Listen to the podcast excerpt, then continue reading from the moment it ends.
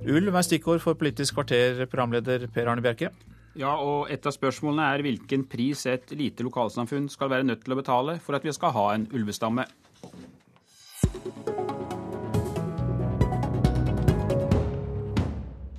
Et eh, offentlig utvalg foreslo tidligere denne måneden at ulv fortsatt skal være fredet i grensekommunene i Øst-Norge. Men eh, de som bor innenfor ulvesonen er ikke like begeistret for å ha ulv i nabolaget. Det har begrensa friheten min, på en måte. Jeg er mye redd når jeg er ute og går. Ingrid Bensen står ved ei bålpanne foran en gapahuk på Slettås i Trysil kommune. Her inne på skogen langs veien mellom Rena og Jordet bor det 206 mennesker og en ulvefamilie. Jeg har sluttet å gå turer alene på kvelden. Jeg har sluttet å gå lange skiturer alene. Og jeg driver med storfe, så det påvirker meg mye i jobben min nå. Slettås ligger midt i ulvesonen, og Stortinget har bestemt at her skal ulven få være i fred. Hvis rikspolitikerne slutter seg til den nye innstillingen fra ulvesoneutvalget, blir det få endringer i rovdyrpolitikken. Nå er kaffen klar. Jeg liker for den koker over her, ser jeg. Denne gnistrende kalde oktoberdagen har Ingrid Bensen og Tone Merete Øvergård invitert til frokost i skogkanten like ved der ulven pleier å vandre. Vi opplever det diskriminerende. Eh, at de kan pålegge et lokalsamfunn og skal måtte ta belastningen for, eh, for eh, at vi skal måtte ha ulv. Og være nærmest føles som et naturreservat for ulv. Akkurat i bare en liten del av landet. Ja, for Her har ulven faktisk gått eh, helt inn til husveggen, og han hadde vel også tilhold på lekeplassen her en, en gang. Hvordan var dette å si for ungene her? Det bor jo ganske mange små barn her på Slettås?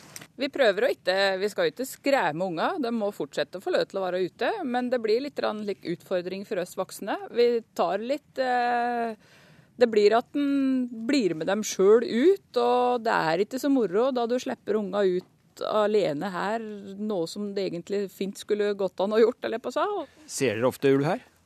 Ja, oftere og oftere. Hvordan tror du framtida blir her på Slettås dersom dere fortsatt skal ha så mange ulv som det dere har her nå? Jeg tror at vi må få en endring i forvaltninga. Vi må slutte å verne ulv, vi må begynne å forvalte ulven. Fordi at Hvis ikke folk blir hørt og respektert, og at problemene våre blir tatt på alvor, så vil det ende med sivil ulydighet, kanskje, i verste fall. Vi ønsker å få lov å jakte på ulven her. For at, eh, ved jakt så vil ulven bli redd for mennesker. Og vi har mulighet til å ta ut de individene som har en uønska atferd. Vi kan faktisk påvirke ulvens atferd gjennom en fornuftig forvaltning. Skal vi høre med tredjemann her også, som står og koker eh, kaffen. Odd Tangen, hvordan opplever du situasjonen eh, her på Slettås med all den ulven dere nå har i området her? Slik eh, forvaltningen er nå, er helt håpløs. For slik som f.eks. min generasjon, vi er vant til å ha vært i skogen i alle år og brukt naturen på alle måter. Og det har jeg lært opp ungene mine til. og det er ingen som går og plukker bær mer eller noen ting. Ja, det var Slettås da jeg besøkte bygda for noen dager siden. Miljøvernminister Bård Vegar Solhjell, hvor høy pris må et lite lokalsamfunn betale for at vi skal ha ulv i Norge? Altså, vi skal ha ulv i Norge, for det har vi hatt i uminnelige tider. Eh, med et unntak, for vi utrydda ulv fra 1800-tallet og utover. Og i en del tiår så hadde vi ingen ulv, før vi sakte, men sikkert har fått den tilbake igjen. Og vi har veldig få ulv i Norge, ca. 30 individ.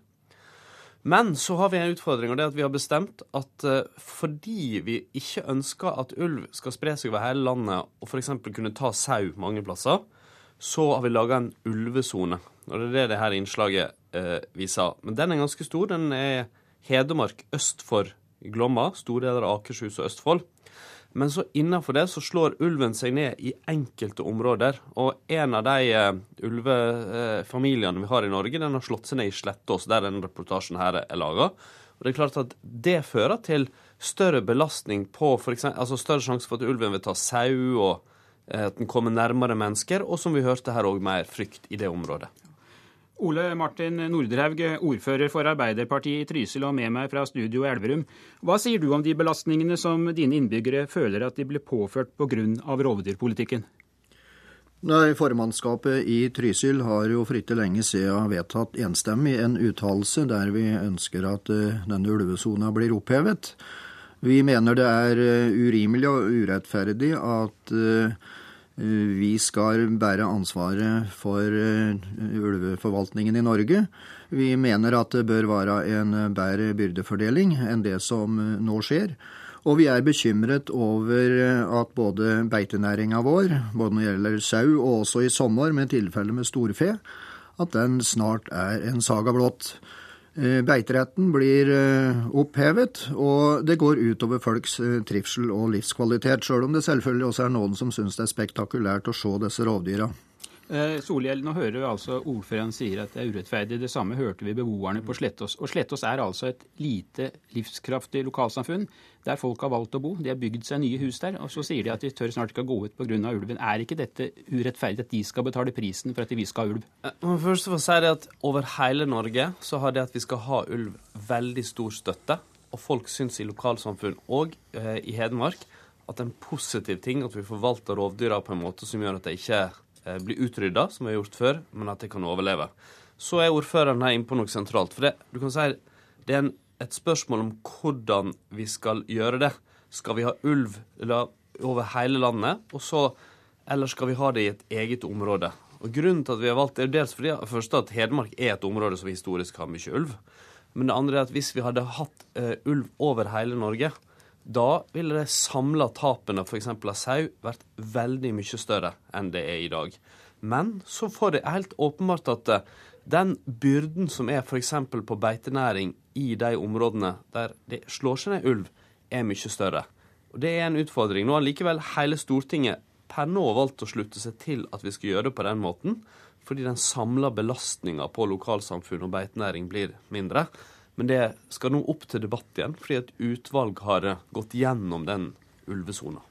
Nordre, hva sier du til at Stortinget da bestemmer, og at det åpenbart fortsatt også er slik, at det skal være ulv i en lita bygd i din kommune?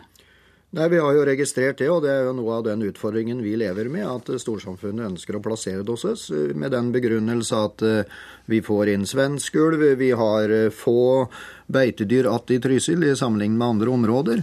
Og vi etterspør da litt solidaritet med oss. Er det vi som skal ofres fordi at storsamfunnet skal opprettholde ønsket om å ha et visst antall ulver. Vi er jo i tillegg eh, bange for at vi kommer til å være vertskommune for storparten av den norske stamma, fordi at vi med de meldingene vi nå har om ulveobservasjoner, spesielt i sommer og høst, tror at det er flere enn én flokk og hvis det er slik at Trysil skal være vertskommune for hele den norske forvaltningen, så føler vi at det blir en byrde som er litt for stor for oss å ta.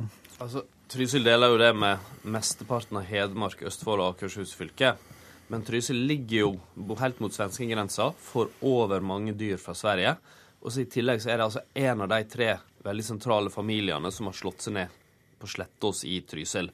Derfor er det en spesiell utfordring for Trysil. Jeg vet jeg godt at etter òg samtaler med, med ordfører Nordrehaug tidligere. Men det, det, vi må være klar over da, er at eh, hvis vi hadde tatt vekk ulvesona sagt at ulv kan være over hele Norge, sånn som det med de andre rovdyrene, så ville eh, konsekvensene for bl.a. at den tok sau over hele Norge, være mye mye større. I dag så tar jo ulv langt mindre beitedyr enn de andre store rovdyra våre. Men Solhjell, her dreier seg ikke bare om sau, her dreier det seg om at folk ikke tør å slippe ut unga sine. Og så hører vi i reportasjen her at de er jo ikke mot ulv, de vil bare ha en annen forvaltning. Hvorfor kan de ikke få lov til å skyte noen ulv når det er så mange ulv men, som det er nå? Det er jo fotografert seks ulv på én gang der oppe. Men, det så vi i VG for en uke siden. Det skytes ulv i Norge hvert eneste år. Flere i løpet av den siste tida. Og det er fordi hvis vi ikke hadde gjort det, hvis vi hadde hatt vern, da hadde det vært mye flere ulv. Men vi har forvaltning. Det betyr at vi skyter ulv hvert eneste år over store deler av Norge for å holde bestanden omtrent på det nivået vi har bestemt. Men så la meg få ta det med frykten. fordi det er noe jeg lett kan forstå intuitivt sjøl. Altså, jeg tror jeg sjøl hadde blitt redd hvis jeg var i skogen og så en ulv nær meg. Det er ikke snakk om én ulv, det er snakk om seks. Ja, men hør, hør, meg, hør meg ferdig. Samtidig vet vi at vill ulv i Norge i nyere tid ikke har tatt livet av eller, eh, et eneste menneske. Og vi har hatt ulv òg nær byområder. I sommer hadde vi en ulv som var på Nesoddenlandet og rett sør for Oslo. Eh, så jeg forstår frykten. Samtidig så er det ulven først og fremst en fare for beitedyr. Den tar f.eks. mye sau. Og ikke for mennesker. Nå foreslår altså Ulvesoneutvalget at det skal gis en årlig kompensasjon til de kommunene som har ulv, og det antydes et beløp på 10 millioner kroner i året. Nordreim, vil det hjelpe deg noe å få disse pengene? Jeg vet ikke hvor det beløpet er tatt ifra. Det virker som det er tatt noenlunde ut av løse lufta. Hva er det verdt da at en hel beitenæring både nå og for framtida skal legges ned og avvikles? Hva er det verdt dette med folks eh, frykt og livskvalitet? Er det verdt 8 millioner? Er det verdt 80 millioner? Altså, jeg tror dette er en ganske stor og omfattende debatt som ikke på noen måte er ferdig ennå. Jeg ser også at utvalget foreslår at det er kommunene som skal få disse pengene. Men jeg er helt sikker på at det er en del grunneiere som også melder seg på i den diskusjonen, og syns det er urimelig at ikke de skal få erstatning for sine tap. Bare i Trysil så snakker vi om tap av, av elgjakt som kanskje nærmer seg dette beløpet alene. Og i tillegg kommer som sagt det med livskvalitet. Solhjell. Nei, her er jeg litt enig med Nordrehaug. Det er klart Å sette en pris på frykt er veldig veldig vanskelig, og litt rart, syns jeg. Jeg tror at vi må erkjenne at vi mennesker vi, vi, kommer til å kunne være redde for rovdyr hvis vi skal møte dem. Og det å bo nærmere dem, det vil ha en, kunne ha en fryktdimensjon for en del, sjøl om ikke ulv er farlig for mennesker.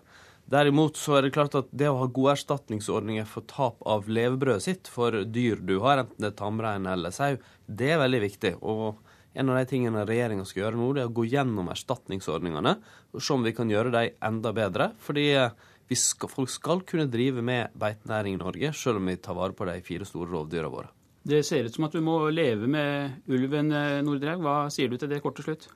Nei, Jeg har bare lyst til å si at eh, det snakkes hele tida om denne ene ulven som man møter, men vi opplever altså flokker. Og folk er redde for å, å sende ungene sine ut. Og jeg har også møtt voksne menn som faktisk erkjenner at de føler seg utrygge. Så vi er nok ikke ferdig med denne diskusjonen ennå. Takk skal du ha, ordfører i Trysil Ole Martin Nordhaug, og takk til deg, miljøvernminister Bård Vegar Solhjell. Nå over til problemene for den rød-grønne regjeringen. Etter uker med påstander om kameraderi, inhabilitet og maktmisbruk stuper meningsmålingene. Ifølge en måling i avisen Nasjonen i dag er Erna Solberg mer populær som statsminister enn Jens Stoltenberg, og bare drøyt 4% av velgerne vil ha fortsatt rød-grønn regjering. Professor Toril Aalberg ved NTNU, du er med meg fra Trondheim. Hvor dramatisk er denne sviktende oppslutningen om regjeringen ti måneder før valget? Det er klart, det her er ikke gode tall for eh, regjeringa. Nå har man jo sett tendensene en, en stund, men eh, det er klart at man må ta det her på største alvor. Tidligere har det først og fremst vært Senterpartiet og SV som sliter. På flere målinger i det siste faller også Arbeiderpartiet kraftig. Hvor ødeleggende er disse anklagene om inhabilitet, kameraderi og maktmisbruk? Det er klart det er ingen eh, ønskesituasjon langt derifra. Eh, det som er alvorlig med det, er jo at eh, for det første man, Arbeiderpartiet ikke får snakke om de sakene som de ønsker å snakke om. De tar fokus bort fra det. Men vel så viktig er det jo nettopp at en del av de her maktmisbruk- og kameraderierklæringene, de minner nok litt om debatter som har ramma Arbeiderpartiet tidligere, og kanskje derfor har de ekstra effekt. Er dette kritikk som rammer Arbeiderpartiet spesielt hardt i forhold til andre partier? Eh, til en viss grad kan du si det fordi at Arbeiderpartiet har vært det partiet som lengst og mest har sittet med regjeringsmakta. Eh, sånn at eh, det her er nok tendenser som også kan oppstå i, i andre situasjoner og i andre partier. Men, men, det er først og fremst Arbeiderpartiet som har tidligere også fått slike beskyldninger mot seg. Du forsker eh, spesielt på politisk kommunikasjon. Hva er det Arbeiderpartiet gjør feil i sin kommunikasjon, i sin måte å besvare disse anklagene på, siden saken jo ikke ser ut til å legge seg? Nei, altså det som kan være, kan være problemstillinga, er jo at det, det oppleves som en, en, maktarroganse. Det at man på en måte ikke innser at uh, det her oppleves som et problem. Så, så, jeg tror nok først og fremst det er det som er, er utfordringa. Men i den politiske kommunikasjonen så handler det jo først og fremst om at det her tar oppmerksomhet bort ifra saker som Arbeiderpartiet sjøl hadde kommet til å prioritere å snakke om, om de på en måte kunne ha fått valgt fritt. Er dette en sak som eh, kommer til å fortsette å plage partiet, eller vil den være glemt den eh, dagen eh, det dukker opp en annen sak som mediene er opptatt av, tror du? Jeg tror nok, eh, om det ikke blir 100% glemt, så tror jeg nok at fokus fort vil, vil hoppe over på, på, andre saker når, når de dukker opp. Sånn er, eh, sånn er, medielogikken, og sånn er oppmerksomheten vår. Nå er det også en annen problemsak eh, for Arbeiderpartiet denne høsten, men av en litt annen karakter, nemlig Vågå-saken. Hvor skadelig tror du den er for partiet? Den tror jeg nok er litt mindre skadelig for Arbeiderpartiet, primært fordi at den handler mer om personlige og til dels private forhold. Hadde, hadde blitt måte, anklaga mot partiet om en dårlig håndtering, og at man har måte prøvd å, å skyve ting litt under teppet, og, og at det har, har, gått på, på måte, kulturen internt i Arbeiderpartiet, så hadde det kommet til å vært en, en vanskeligere sak for Arbeiderpartiet enn det det er nå. Kort til slutt, Hva ville du gjort hvis du hadde vært strateg i Arbeiderpartiet? Nei, altså det er et uh, veldig godt spørsmål, og det er nok ingen enkel, uh, ingen enkel svar på det. Så, så, det handler om å prøve å få fokus på de sakene man, man vet at man har stor uh, troverdighet på. Takk skal du ha, professor Toril Aalberg, og det var Politisk kvarter. Jeg heter Per Arne Bjerke.